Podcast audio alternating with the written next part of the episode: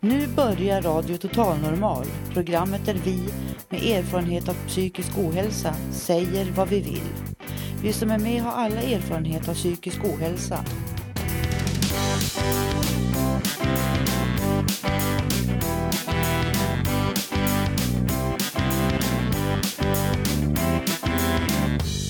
Du lyssnar på Radio Total Normal 101,1. Totalt normalt. Radio Total Normal torsdagar från två till halv fyra.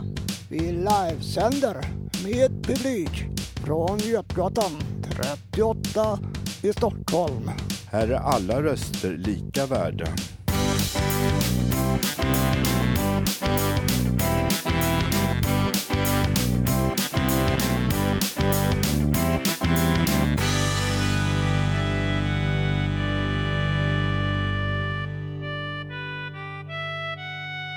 Hjärtligt välkomna till Radio Total Normal. Vi sänder från Götgatan 38 torsdagar mellan 14 och 15.30. Jag som är programledare idag heter Janne. Och vi, eh, det är väldigt vackert väder så vi sänder utanför Fountain House. Och eh, vi har en liten publik här som är medlemmar på Fountain House och deltagare i Radio Total Normal. Nu kommer ett gäng eh, studenter antagligen ska fira. De har tagit studenten. Det bullrar lite grann utifrån. Men klarblå himmel och vackert väder och solen skiner på oss alla. Nu kommer vi att få höra Roberts monolog så småningom. Han berättar intressanta saker och tänkvärda saker från sitt liv. Monica ska berätta om ensamhet och jag ska läsa en egen dikt från förr då jag mådde sämre.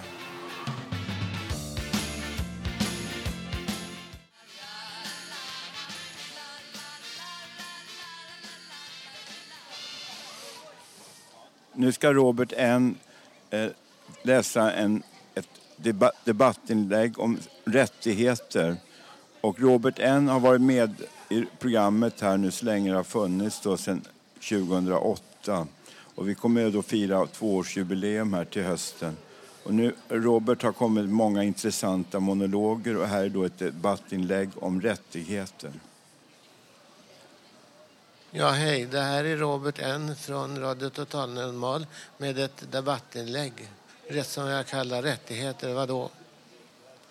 Vad kan man säga om oss, det svagaste av det svaga? Vad är våra möjligheter och förmåner när vi ska leva det liv som vi så förmånligt fått? Vi kommer ju inte undan livet. Det måste ju levas, vare sig vi vill eller inte. Självmord är inte ett alternativ. Och bostadslöshet, vad tror ni vi säger om den möjligheten? Var slutar vi? Vi det svagaste, oftast eller ofta. Hur slutar vi våra liv? Eller med andra ord, hur går det för oss? Jag hörde en politiker på tv för några veckor sedan. Hon pratade om äldres möjligheter och rättigheter i slutet av sina liv. Hon sade att om en medborgare var 85 år eller äldre då skulle de ha rätt till ordinarie ordnade trygga boenden om de var rädda för sin egen eller eventuellt andras trygghet i, sin, i sina liv i deras när, närhet på, då, då på ålderns höst. Jag höll på att få hjärnblödning när jag förstod hur krasst hon såg på saken. Vi som skulle behöva hjälp under flera år, vi skulle inte, även om vi var rädda eller även om vi inte klarade av våra liv, ha rättigheter som våra pantertanter eller gamla farbröder eller andra kunde få i sina liv. Även om detta naturligtvis är bra och hjärtansvärt. Vad är det för sätt att se på saken? Kunde inte bemöta eller, bemötande eller annat, även för oss, även om vi är yngre än dem, skulle inte det kunna få, få det att gå till så att det kunde fungera även för oss? Även om vi har flera år kvar än vad de äldre har. Så vitt jag förstod på saken så var det ju så det låg till. Den dam eller den politiker det nu var vilken det nu var, det minns jag inte. Jag tror att det var någon minister eller något från något av våra partier på högerflanken. Kan inte, inte försöka få till någon behandling för oss, även om det kostar lite mer? Är det verkligen inte möjligt för, för dem att få till något som fungerar? Även för de svaga. Men det talades helt klart, så vitt jag förstod, att det var äldre de menade. Vi andra, bland annat vanliga dödliga, psykfall och andra grupper som kan vara kostsamma. Inte skulle väl vi ha rätt att ha det bra, även om vi var lite mer känsliga än andra.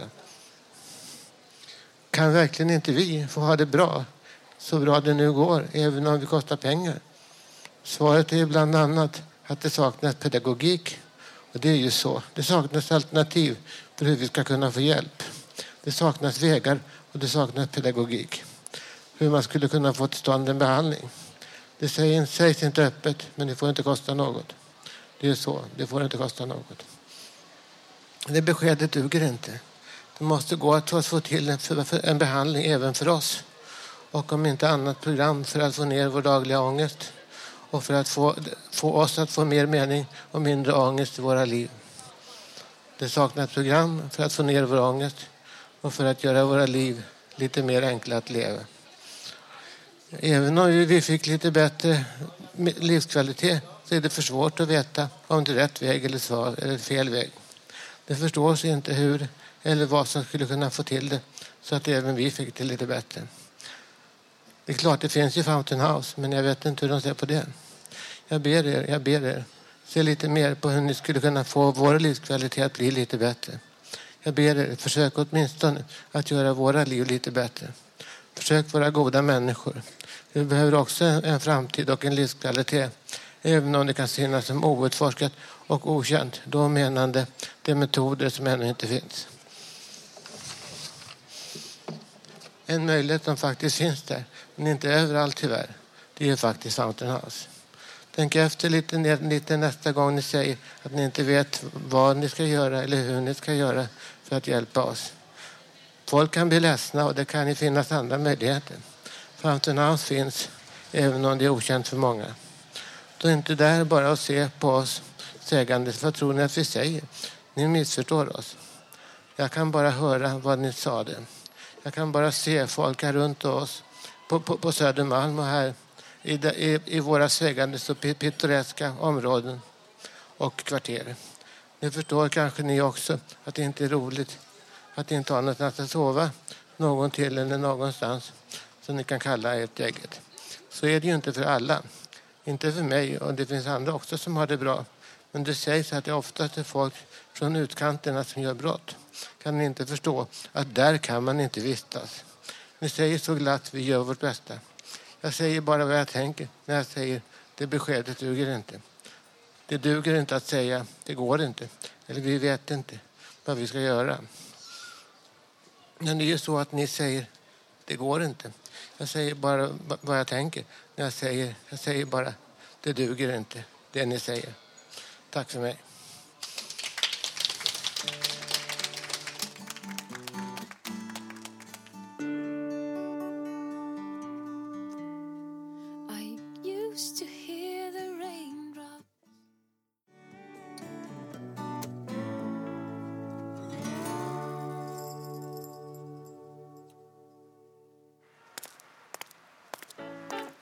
Från Stockholms gator. Nya frågor från Radio Total Normals reportrar. En liten kort fråga. Hej! Kan jag ställa dig en fråga? Entschuldigung, Entschuldigung. Hallå? Entschuld... Guten Tag. Nu, nu ska Susanna... Eh, ska, eh, hon, ska ge sig, hon har, brukar ge sig ut på stan och prata med allmänheten om hur de ser på olika saker. Idag ska vi få höra ett inslag från, från när Susanna var ute på stan och pratade med folk hur de ser på människor med psykisk ohälsa. Eh, vad, vad tänker du på när du hör ordet psykiskt sjuk person? Ja, en person som, som har den sjukdomen. Det finns olika. Jag hade en moster som var, ja då hette det manodepressiv. Och hon levde ju större delen av sitt liv ett alldeles friskt liv. Det är det som är bra att poängtera att man kan vara välfungerande även om man har en funktionsnedsättning. Det är, det är samma sak som folk som äter, tar insulin för diabetes. Varför är det inte likartat med psykofarmaka? Jag tror folk är rädda. Tack så mycket, tack. Om jag får fråga, hur ser din bild av om du hör en psykiskt sjuk person? Vad tänker du? Det första du tänker på? Ja, jag har ingen bild. Men eh, förr i tiden så var det mycket det här att personer med men- mental sjukdom var inlåsta innan psykiatrireformen och sånt där. Det var då liksom personer fick chansen att komma ut i samhället. Och sådär. Det är rätt bra tycker jag. En eh, utveckling på både gott och ont. Vad tycker du om den? Ja, det handlar väl om att oavsett vad den fysiska platsen är, att det fungerar liksom i länken mellan den som är i behov av vård och hjälp helt enkelt. Så det handlar inte så mycket om den fysiska platsen, det handlar om att det ska fungera liksom i samarbetet och hjälpen vidare. Jag, jag själv är rätt ung men jag har haft kontakt i 16 år i psykiatri men jag har aldrig varit på någon institution sådär. Jag möter själv, folk blir rätt häpna när de hör talas om att jag har haft kontakt så länge i psykiatrin tycker jag. Men tack för dina åsikter. Tack så mycket. Det var det lilla, det var det lilla. Tjena! Eh, fin hund du har, det är en Staffordshire terrier? Ja, det är det. Hej. Hej. Men vi, vi kommer också från en radiostation, Radio Total Normal. Känner du till den kanalen? Nej, det gör jag inte. Vi vann pris förra året, bästa närradiostation. Och det vi har alla erfarenhet av psykisk ohälsa. Vi frågar frågor här. Har- Känner du någon som mår psykiskt dåligt? Eh, ja, det gör jag. Det är mer vanligt än vad man tror. Alla mår väl mer eller mindre psykiskt dåligt. Ja, det, det finns väl inget onormalt eller normalt utan alla har liksom problem. Det är rätt bra att prata öppet om känslor. Det är många som inte vågar prata om känslor har jag märkt. Ja, det kan nog stämma att eh, många stänger saker inom sig och det kan vara en bidragande orsak till att man mår dåligt. Jag tänkte höra, vi kommer från Radio Total Normal. Total normal? Radio Total Normal, har ni hört talas om den? Nej. Men det låter ju normalt. Ja, precis. Eh, hur, om ni tänker, föreställer er en eh, person, när ni hör ordet psykiskt sjuk, hur är den bilden eh, väldigt övergripande? Vad tänker ni då? Eftersom ordet har funnits så länge så ser man ju ordet som det är. När man ser en, exempel en eh, psykisk människa. Det ordet kommer från psykiatrin. Och det innebär ju att man är psykiskt ostabil. Psykiskt ostabil. Förlåt? Var det ett bra svar? Eh, det är alla, alla svar är bra. Instämmer det? Instämmer det i min förklaring till det du vill höra? Ja, du, din svar är... Det låter bra vad du tycker liksom. Det, alla har fri åsikt. Så. att- Vad går det ut på det här liksom med, med själva ordet och själva frågan? Det är en allmän fråga vad folk tycker liksom. Eh, om psykiskt sjuka människor. De tycker man synd om. Tycker är synd? För att de är ju inte i den positionen egentligen som de skulle vara. Vad skulle det vara för position att vara i? Liksom? Att vara en normal människa. Så man kunde ju gå och jobba, man kunde gå och göra det som alla andra människor vill göra. Som man ska göra, som man är född till. Vad är man född att göra till liksom? Arbeta, sova. Men det är inte så enkelt kanske om man, eh, om man eh, liksom, eh, det är inte, om man, om jag, eh, jag skulle inte vilja att folk tycker synd om mig liksom. Men, men, men, men vi, vi som man säger som är i ett normalt fall, det normala om man säger så. Vi tyck, man tycker det som människa, som medlidande människa. Så tycker man ju liksom att åh vad synd det är om den där personen eller kvinnan. Eller, så tycker man ju att det är synd. För det är ju det, är det namnet heter när man ser, ser en människa som är ostabil. Eh, det här med att tycka synd om som man säger, eh, det tycker inte jag är riktigt rätt. Så tycker inte jag, för jag har haft cancer själv två gånger. Skulle någon ha tyckt synd om mig i det läget, då hade jag aldrig klarat mig. Utan man måste få hjälp. Det är det. Inte tycka synd om. Jag, jag förstår liksom. Ja, jag, jag förstår. Utan att man ska få rätt hjälp istället. Och det är hur många är det som inte är psykiskt sjuka? Som behöver hjälp och får inte rätta hjälpen. Det är där jag tycker. Satsa på rätt hjälp istället. psykiskt sjuk. Ja, man tänker på mentalsjukhus och svåra saker, olika diagnoser och olika behandlingar. Det var plågsamt, mycket psykisk, psykmedicin och,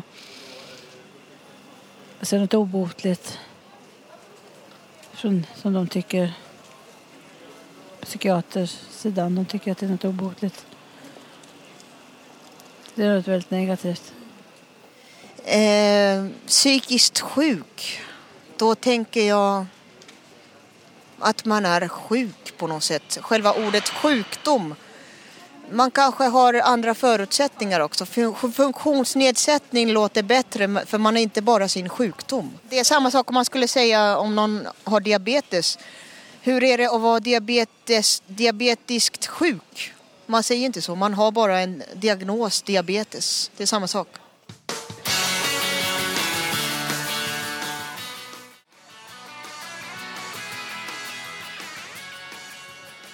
Ja, det här är Radio Total Normal som sänder från Götgatan 38 torsdagar klockan 14 till 15.30 med vissa uppehåll på sommaren och på jul och nyårshelgen. Nu ska Monica Johansson prata om hur det känns att vara ensam, hur, man, hur, hur hon har upplevt ensamhet. Hej alla vänner eh, på, här på Fountain House och eh, alla ni som sitter på Götgatan här och står. Och ni som lyssnar självklart där hemma. Där jag själv brukar sitta mesta tiden. Och jag ska berätta för er, kära vänner, alla som lyssnar, att eh, ja, Undrens tid är inte förbi, som jag brukar säga. Att jag står här, det är, det är helt otroligt. Men det känns så viktigt alltså. Det är ju inte bara jag som är ensam vad jag förstår. Jag menar, jag älskar ensamheten. Jag, jag behöver ensamheten. Så det, det är inte så här att jag måste vara bland, alla, bland människor hela tiden sådär. Eh, så. Men jag har skrivit lite grann vad jag skulle prata om. Och då är det med ensamheten alltså. Vad ska jag göra helt ensam? Alltså, det finns ju massor man kan hitta på. Jag skulle kunna ha fullt upp hela dygnet om jag ville. Men hur kul är det utan sällskap, utan möjlighet att dela händelserna med en annan människa, utan möjlighet att kunna liksom ja, kunna göra saker och ting med någon man tycker om och som tycker om mig som vän. Det är ju inte roligt att alltid, att alltid göra allting själv. För vem skulle jag dela de här upplevelserna med? Jag gör ju mycket själv också och jag älskar att göra saker själv för det, det liksom ger mig kraft och jag känner mig liksom Eh, jag tycker själv att det är ganska modigt. Och, och liksom, vadå? Annars blir jag ju sittandes där hemma. Det är väl lika bra att göra något. Men jag menar, alltid göra, alltid vara själv och, och sådär va. Man, man vill ju liksom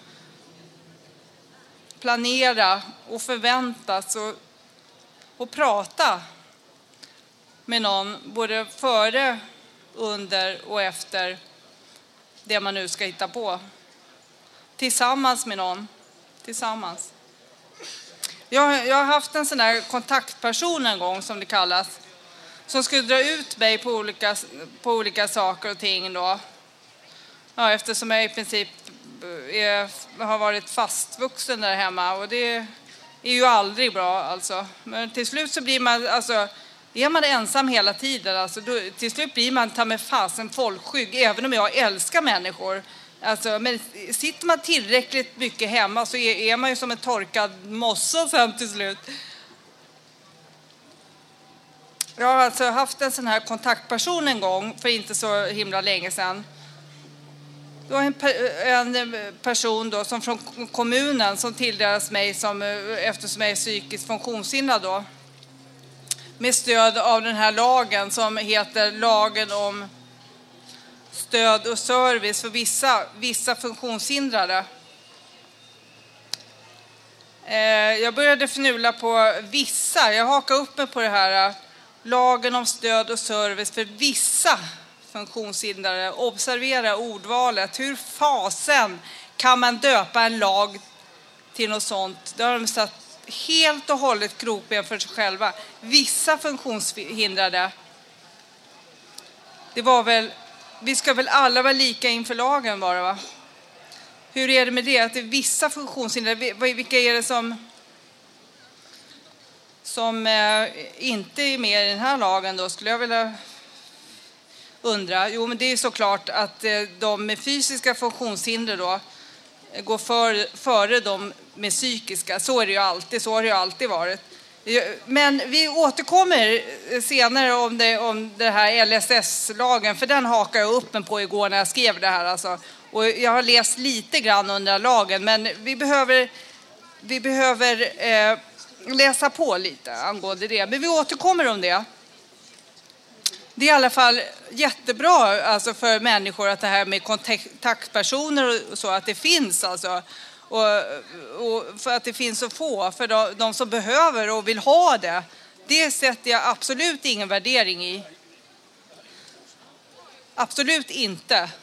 Det är bra att det finns för de som vill ha och behöver. Jag mår bara så himla dåligt eh, när jag tänker på att den enda person som, som vill göra något med mig är den som blir betald, som får betalt för att göra det.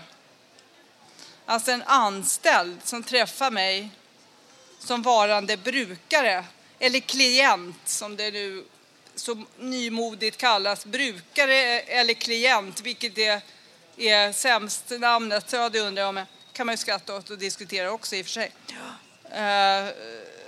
Så.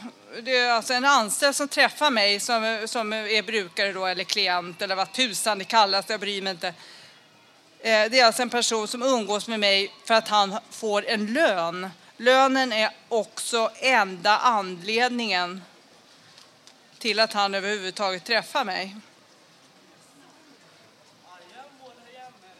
Nej, så vill inte jag ha det. Så vill inte jag, nej jag vill inte ha det. Så jag sa upp den kontakten. Jag, jag orkar inte med det, för det, det, känns, alltså, det går emot mig på något vis. Va? Det känns så fel att ha en betald kompis. Jag menar, jag vill ju ha, jag vill, jag vill ha, jag vill ha en kompis, en, en vän helt enkelt. En vän som utan betalning, observera, utan att få betalt, väljer vill vara tillsammans med mig just för att jag är den jag är. Precis som jag vill och ska kunna umgås med människor bara för att de är som de är. Utan att få betalt för det. Utan att få betalt för det.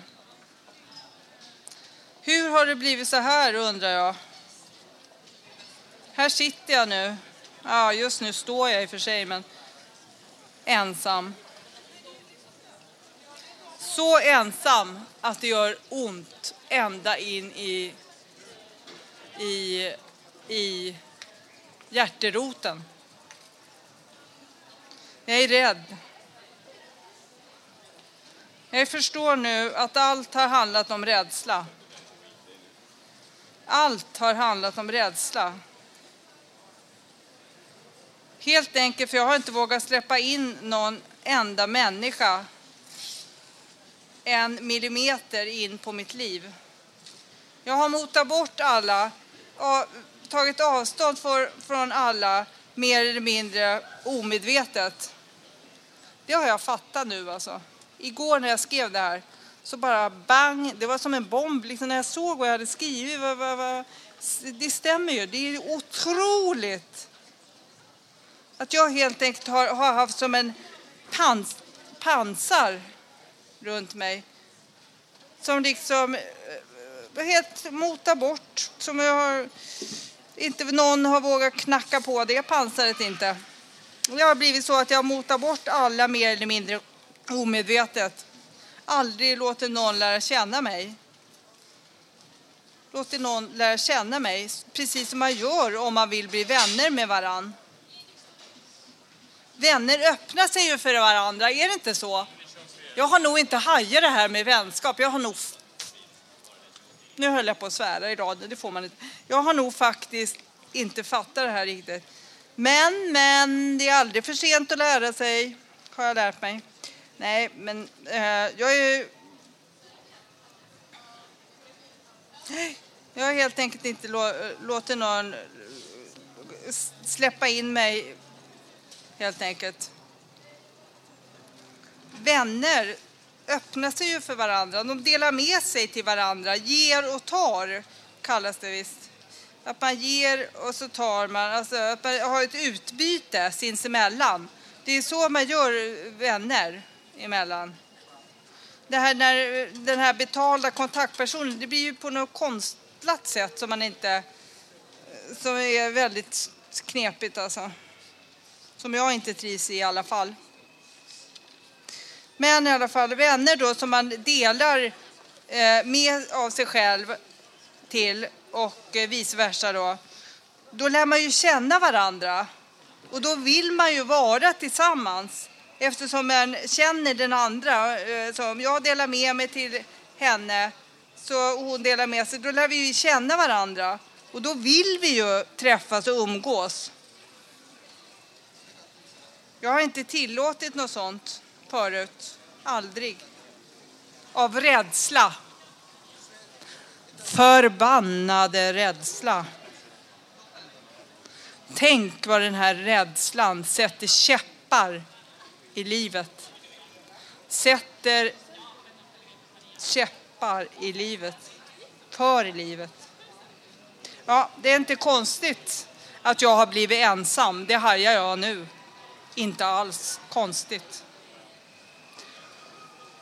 Ja, och då, då jag hade skrivit här att det är väl bara slutklämmen nu. Jag får väl bara ut i jag får väl bara ut i sandlådan och sätta mig och göra sandkakor med de andra barnen. Så slipper jag vara ensam. Tack!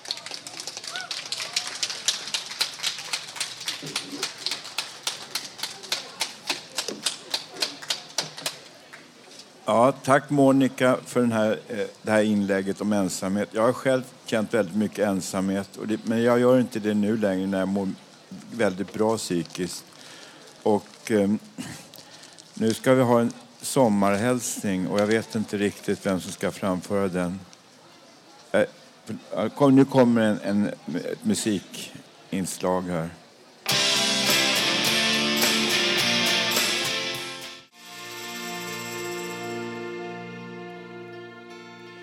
Radio Total Normal. When you're smiling, ju gladare du blir. Sommartips. Ta hand om er själva och, och gör billiga saker för att man har inte så mycket pengar jämt. Du har 20 kronor, gå till eh, affären och köp en påse chips och en läsk. Det räcker säkert. Och sen går du ut i parken med en filt och sätter dig någonstans och tittar på folk. Och det är jättehärligt. Ha en skön sommar!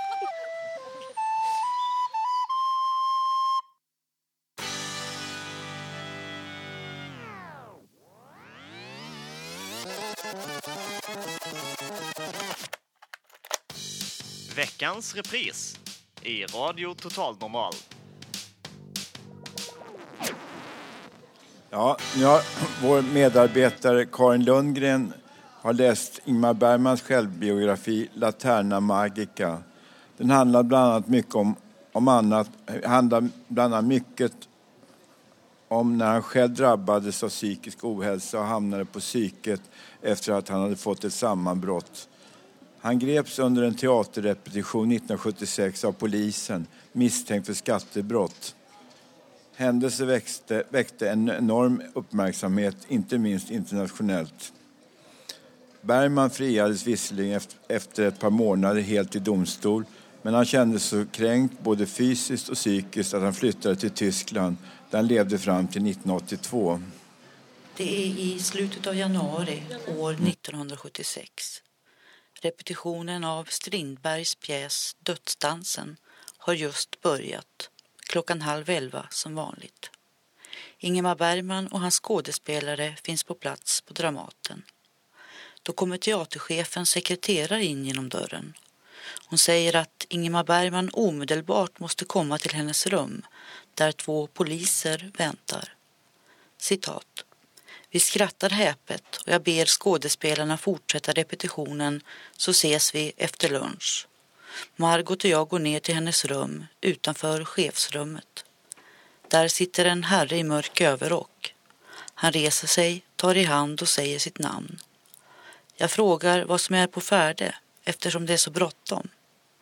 Han ser åt sidan och säger något om att det är de här skatteaffärerna och att jag måste genast följa med honom till ett förhör.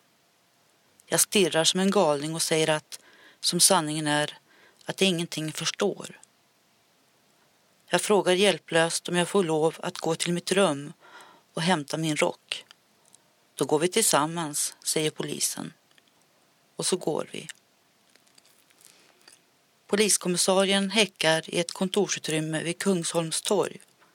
Fast jag är osäker. Nu blir bilderna otydligare, replikerna allt mer svårhörda. Kommissarien börjar fråga om än det ena, än det andra. Jag upprepar att jag bett andra ta hand om min ekonomi. Timmarna går. Jag sitter mest tyst och säger då och då med avlägsen röst att detta är en livskatastrof. Jag förklarar dessutom för kommissarien att detta är en stor sak för massmedia. Jag frågar om jag kan ringa min hustru. Det får jag inte eftersom husrannsakan pågår i vår våning. Därefter meddelar han reseförbud. Jag ska fråntas mitt pass. Ett förhörsprotokoll upprättas. Jag skriver under trots att jag inte längre förstår vad man säger till mig. Vi reser oss. Polisen klappar mig snällt i ryggen och uppmanar mig att arbeta som vanligt. Kan han inte förstå att detta är en livskatastrof? Vad som ytterligare händer den afton vet jag inte. Äter vi middag? Det gör vi väl. Ser vi på TV? Kanske ser vi på TV. Nästa morgon. Massmedia kör stort pådrag på löpsedlar, första sidor och i televisionens nyhetsmagasin. Min tolvårige son Daniel vägrar gå till skolan. Fortsättning. Måndag förmiddag kommer sammanbrottet. Jag sitter i stora rummet i övervåningen och läser en bok och lyssnar på musik. Musiken upphör och bandet stannar med en liten smäll. Det blir alldeles stilla. Taken på andra sidan gatan är vita och snön faller sakta. Jag slutar läsa. Har ändå svårt att förstå. Dagen i rummet är skugglös och skarp. En klocka slår något slag. Kanske sover jag. Kanske har jag bara tagit det korta steget från sinnenas erkända verklighet till den andra verkligheten. Jag vet inte. Nu befinner jag mig djupt inne i en orörlig tomhet, smärtfri och känslofri. Jag sluter ögonen, tror att jag sluter ögonen, anar att någon finns i rummet, öppnar ögonen. I den skarpa dagen några meter bort står jag själv och betraktar mig. Upplevelsen är konkret och oemotsäglig. Jag står där borta på den gula mattan och betraktar mig som sitter i stolen. Jag sitter i stolen och betraktar mig som står på den gula mattan. Jag som sitter i stolen är ännu så länge den som har hand om reaktionerna. Detta är slutpunkten. Det finns ingen återvändo. Jag hör min gnälliga röst. Jag låter som en skadad hund. Jag reser mig ur stolen för att gå ut genom fönstret. Plötsligt var min bäste vän och läkare Sture Hylander där. En timme senare befinner jag mig på Karolinska sjukhusets psykiatriska klinik. Jag placeras ensam i ett stort rum med ytterligare fyra sängar. En professor går ronden och talar vänligt till mig. Jag säger något om skammen. Jag drar mitt älsklingscitat att fruktan realiserar det fruktade, förstenas av sorg. Får en spruta och somnar.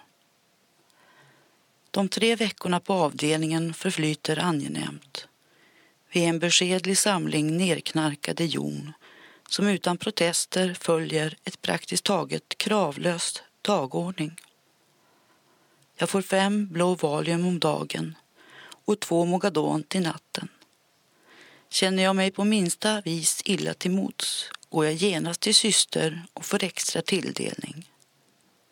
Jag sover djupt och drömlöst på nätterna och slumrar flera timmar om dagen.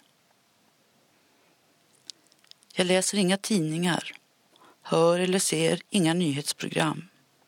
Inte bara smärtan, ångesten och känslan av irreparabel förödmjukelse bleknar bort utan också drivkraften i min kreativitet fördunklas och sjunker undan. Jag kunde antagligen ha blivit ett vårdfall för resten av livet eftersom min tillvaro är så sorgset angenäm, så utan krav, så ömsint skyddad. Ingenting är längre verkligt eller angeläget. Ingenting oroande eller plågsamt. Jag rör mig försiktigt. Alla reaktioner förstenas. Sexualiteten upphör. En eftermiddag frågar Ingemar Bergman den vänlige professorn om han någon gång i sitt liv botat någon enda människa. Han funderar allvarligt och svarar. Bota är ett stort ord.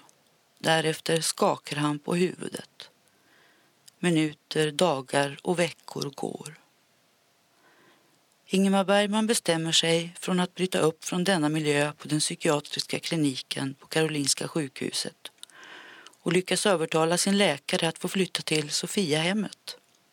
Väl där slutar han ta sina mediciner. Han skriver i protest mot professorns anvisningar upphör jag helt med både Valium och Mogadon. Effekten blir omedelbar. Den undantryckta ångesten slår upp som en svetslåga. Sömnlösheten är total. Demonerna rasar och jag tror att jag ska slita sönder av invärtes detonationer. Ingemar Bergman fortsätter. Jag går till angrepp mot demonerna med en metod som fungerat bra i tidigare kriser. Jag delar in dagen och natten i bestämda tidsenheter som var och en fylls med på förhand organiserade aktiviteter eller, eller vilomoment. Jag återtar, kort sagt, min vana att noga planera och iscensätta mitt liv. En dov vrede, under avsevärd tid sammanpressad och förstummad, börjar röra sig nere i de mörkaste korridorerna. Nu ska jag inte överdriva. Min yttre uppenbarelse är ynklig. Jag är grinig och irritabel, tar emot all ömhet och omvårdnad som en självklarhet men gnäller som ett bortskämt barn. Jag är innanför rutinerna och den ålagda självdisciplinen rådlös och förvirrad. På nätterna då jag inte orkar läsa står en pluton av demoner redo att angripa mig. På dagarna innanför den ögonskenliga ordningen råder ett kaos som är en utbombad stad. Ingemar Bergman får allt svårare att skriva. Han skriver dock en artikel i Expressen om det påstådda skattebrottet där han också meddelar att han är tvungen att fatta ett antal beslut för att få lugn och ro. Han skriver, citat, Mitt första beslut, eftersom jag kräver en viss trygghet för att kunna åstadkomma något i mitt yrke och eftersom denna trygghet uppenbarligen kommer att förmenas mig under överskådlig tid blir jag tvungen att söka denna trygghet någon annanstans än i detta land. Dagen därpå flyger Ingemar Bergman med sin hustru till Paris. Ingemar Bergmans exil varade i nio år.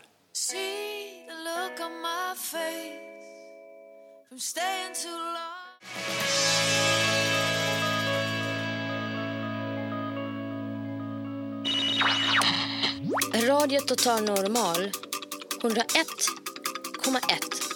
Torsdagar 14 till 15.30 Radio Total Normal Ja, nu ska Håkan Eriksson berätta för er vad är Fountain House.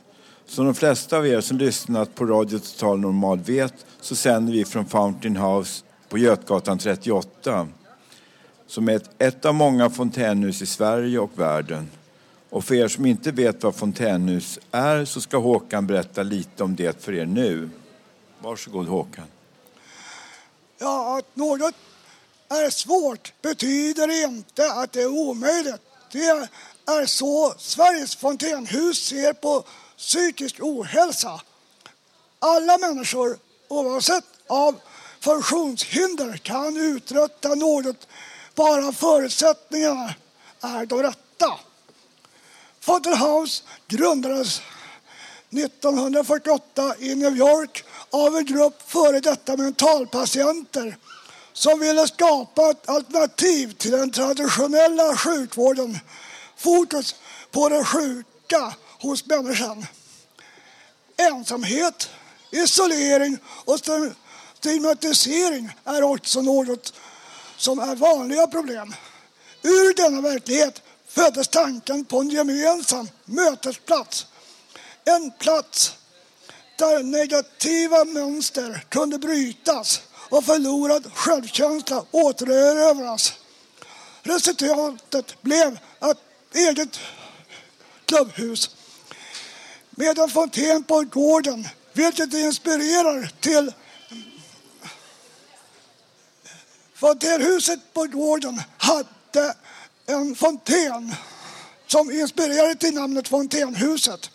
Detta hus blev sedan förebild till den internationella fontänhusmodellen som idag omfattar mer än 400 klubbhus i 30 länder som har konsultativ rådgivande status till FN. Läs mer om Fontänhuset på sverige.sverigefontenhus.se. Och eh, nu är min egen, lite min egen erfarenhet också av det här. Innan jag fick kontakt med Fontänhuset var jag rastlös och mådde dåligt. Jag jobbade på olika arbetsplatser men ingen förstod mig riktigt. Att jag fick kontakt med Fontänhuset har betytt att jag kunnat ta bort mediciner och här har jag alltid någon att prata med för att få stöd och råd. Om jag inte hade fått kontakt med huset så hade jag förmodligen varit kvar i rastlösheten och varit beroende av både vård och medicin. Ja, då tackar jag för mig. Och är det så att ni har någonting, om det är någon som vill fråga så kom gärna och diskutera med mig. Tack!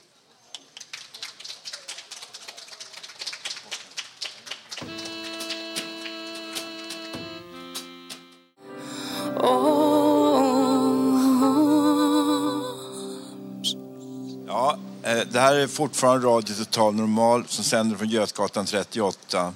Nu har vi en, en långväga gäst här ända från Burkina Faso som hette Övre Volta förut och som ligger i Västafrika. Och han heter Madeni och han ska framföra någonting på trumma. Welcome. Bienvenue.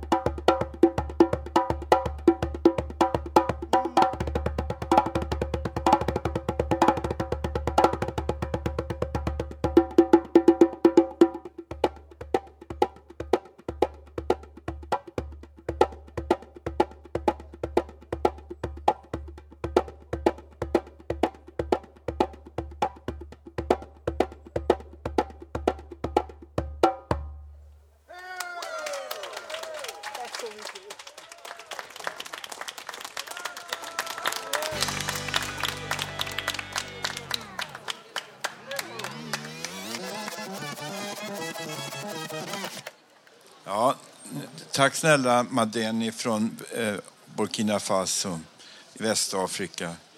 Och nu ska jag försöka läsa en dikt som jag skrev den 30 september 1976. Den börjar så här. Till min längtan, till min vilja, öppna själens öga att skåda nuets liv och eld, sol och hav, nordanvind i kylig höst. Jag vill ju leva det liv jag drömde om, men viljan att nå ut är ej stark nog. Jag drivs genom tomhetsdagar och ångestnätter.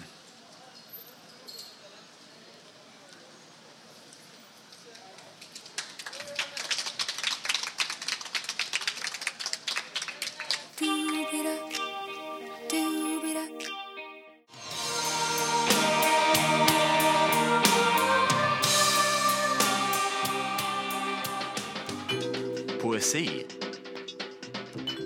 i Radio Total Normal.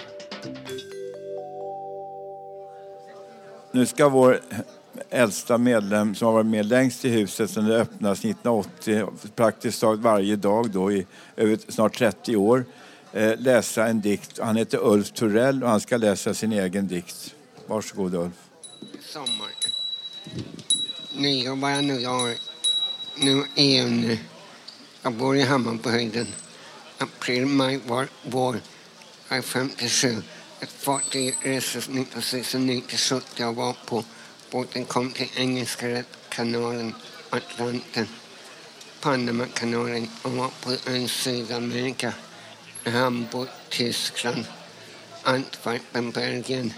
Idag är fredag, mars var vinter, natt till mörk, mörk kväll. Mona Lisa, stjärnor blinkar. Kanske nästa månad i juli och fredag fjärde juni.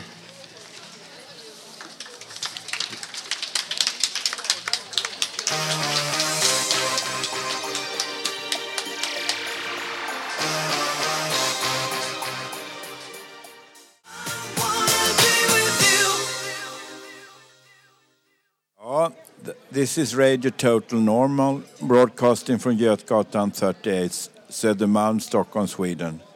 Nu ska Magnus Helmer, Helmner, som är en man som jobbat ideellt med hemlösa på en verksamhet som kallas Ny Gemenskap.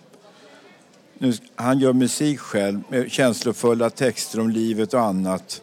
Den här låten har Magnus gjort själv och den heter Allt är möjligt och är från den egna skivan Stilla havet. Den önskar av en annan Magnus som heter Karlsson och som tyckte, tycker att vi borde spela en låt av och med Magnus Helmner.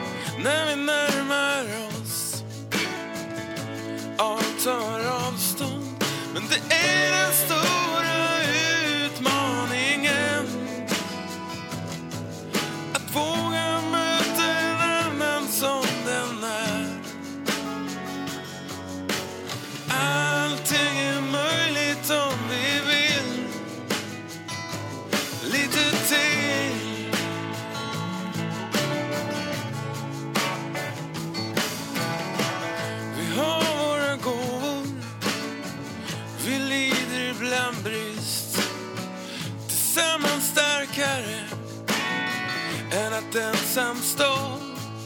Vi kan göra varandra lite vackrare.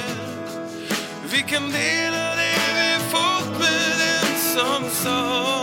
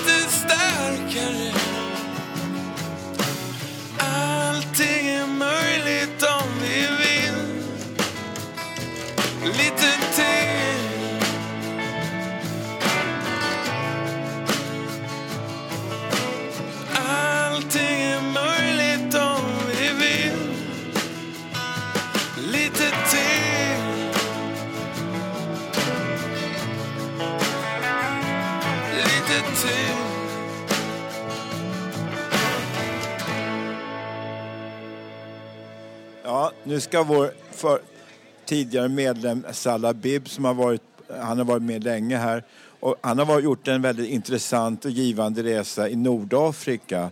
Och Sal är från Västafrika och har även bott på Kuba och i Havanna där han har jagat tjejer. Och nu ska Sal berätta om sin resa i Nordafrika. Ja, eh, det, det händer så här att eh, eh, för ett år sedan, jag, var, ja, jag var medlem för tre, tre, år i Fountain House och jag, för två år sedan jag var anställd heltid på ett företag. Men jag kommer varje morgon här till huset och fika och sen jag till jobbet. Men det blev att år 2009, januari, jag eh, pendlade lite grann, eller vandrade eh, via Kanarieöarna till Afrika, norra Afrika. Så hamnade jag i Algeriet, södra Algeriet. Där stannade jag eh, två månader eller tre månader tills jag ah, kopplade upp och hälsade på släktingar och familj och, och gamla vänner som har studerat med mig i Kuba, i Karibien och så vidare. Det är många som kom till mig, de var, visste att jag kom och de kom till mig hem. hem. Och det var en ganska stor överraskning och glädje. De säger Sal, följ med mig idag, idag till, till exempel, eller äh, sov hos oss ikväll för fan och så vidare. Men eh, det, min bror kom till, från Spanien samtidigt, han bor i Spanien. Och då vi hyrde en bil och sen vandrade vi med två killar och honom i hela Västsahara-området. Det är ett skidområde men vi fick tillstånd att kunna vandra via gränsen från Algeriet till, till, till Västsahara. Så vi stannade sju dagar i luften, bara i själva öknen. Så varje dag vi kör kanske 600 kilometer i fyra, fem timmar. Sätta hastighet, fart på, bilen. Och sen eh, vi, när, det, det blir, när det blir mörkt så vi, eh, vi eh, stannar och öppnar bilen, tar filter och allting och tänder en eld och värmer oss och, och, och, och kokar något eller eh, och. Och sen sover vi. Sen andra dagen vi vandrar direkt vatten och så vidare och mat värmade oss sju dagar. Så det var, det var ganska spännande. Det var mest som jag rekommenderar till alla medlemmar. Så jag påminde mycket och saknade mycket- medlemmar. Jag sa fortfarande det här kan, kan kanske vara en bra idé för människor som mår inte bra att vandra lite grann och koppla av vissa stunder i året eller ja, i livet. En gång i året per år kan man göra för att koppla upp och se nya grejer och natur, naturen krafter och så vidare. Jag såg många berg, stenberg som är naturen man, man kan tänka sig det här är inte sant. Det är en människa som gravt eller något eh, uh, virtuellt eller sånt. Jag blev så här, snurrig i huvudet. Men i själva verket det är stora berg med sten och figurer. Figurer så här till luften, så här, så här. I själva Västsahara-området som, som kallas Western Sahara eller spansk Western Sahara. Så det är en ganska överraskad eh, res, vandring. Och sen det tog mig ett år, ett helt år. Sen eh, jag uh, bodde tre, tre månader i själva Västsahara, i en beduinområde. Uh, bara kameler och människor som sköter djur och så vidare. Och när jag vaknar på morgonen och dricker en kopp te och så vidare, jag ser en människa som står vid en bil i en, en by och jag ser det här, det här är en ganska naturlig känsla. Och solen skiner och det är varmt och så vidare, det är jättefint. Sen tre månader i Västsahara, fyra månader i Mauritanien söderut, sen tillbaka till Algeriet, sen det blev tre månader, sen vandrade kanske var, varje vecka, två gånger i veckan till Algeriet, Västsahara, Västsahara, Algeriet. Sen eh, sa jag, jag måste, varje gång jag stannar bilen i, i öknen, jag skriver på bilen därför det blir mycket, ras, mycket smutsigt. Fountain House eller Ulf Holmgren eller eh, Lisa eller ja, något. Till mina, mina kompisar säger, vad fan skriver du där? Nej, nej, inget. Bara ja, TAC eller Fountain House eller eh, gamla bekanta. Jag har många bilder här i min dator så om någon är intresserad kunna se eh, många foto, virtuella foto, foto från Västsahara och så vidare. Så det hände att år, 2009 januari jag eh, eh, flög till Afrika och för ett månad sen kom jag till Stockholm. Så via Kanarieöarna, Spanien. Så jag var i País Basco, själva i Bilbao. Det är jättefint också. De säger att eh, det är en, av en av mest attraktiva turistiska mål eller utsikter i, i hela nästan Europa. Basiska delen som gränsar med Frankrike. Så, så det var det. det, var det. Ja. Ja.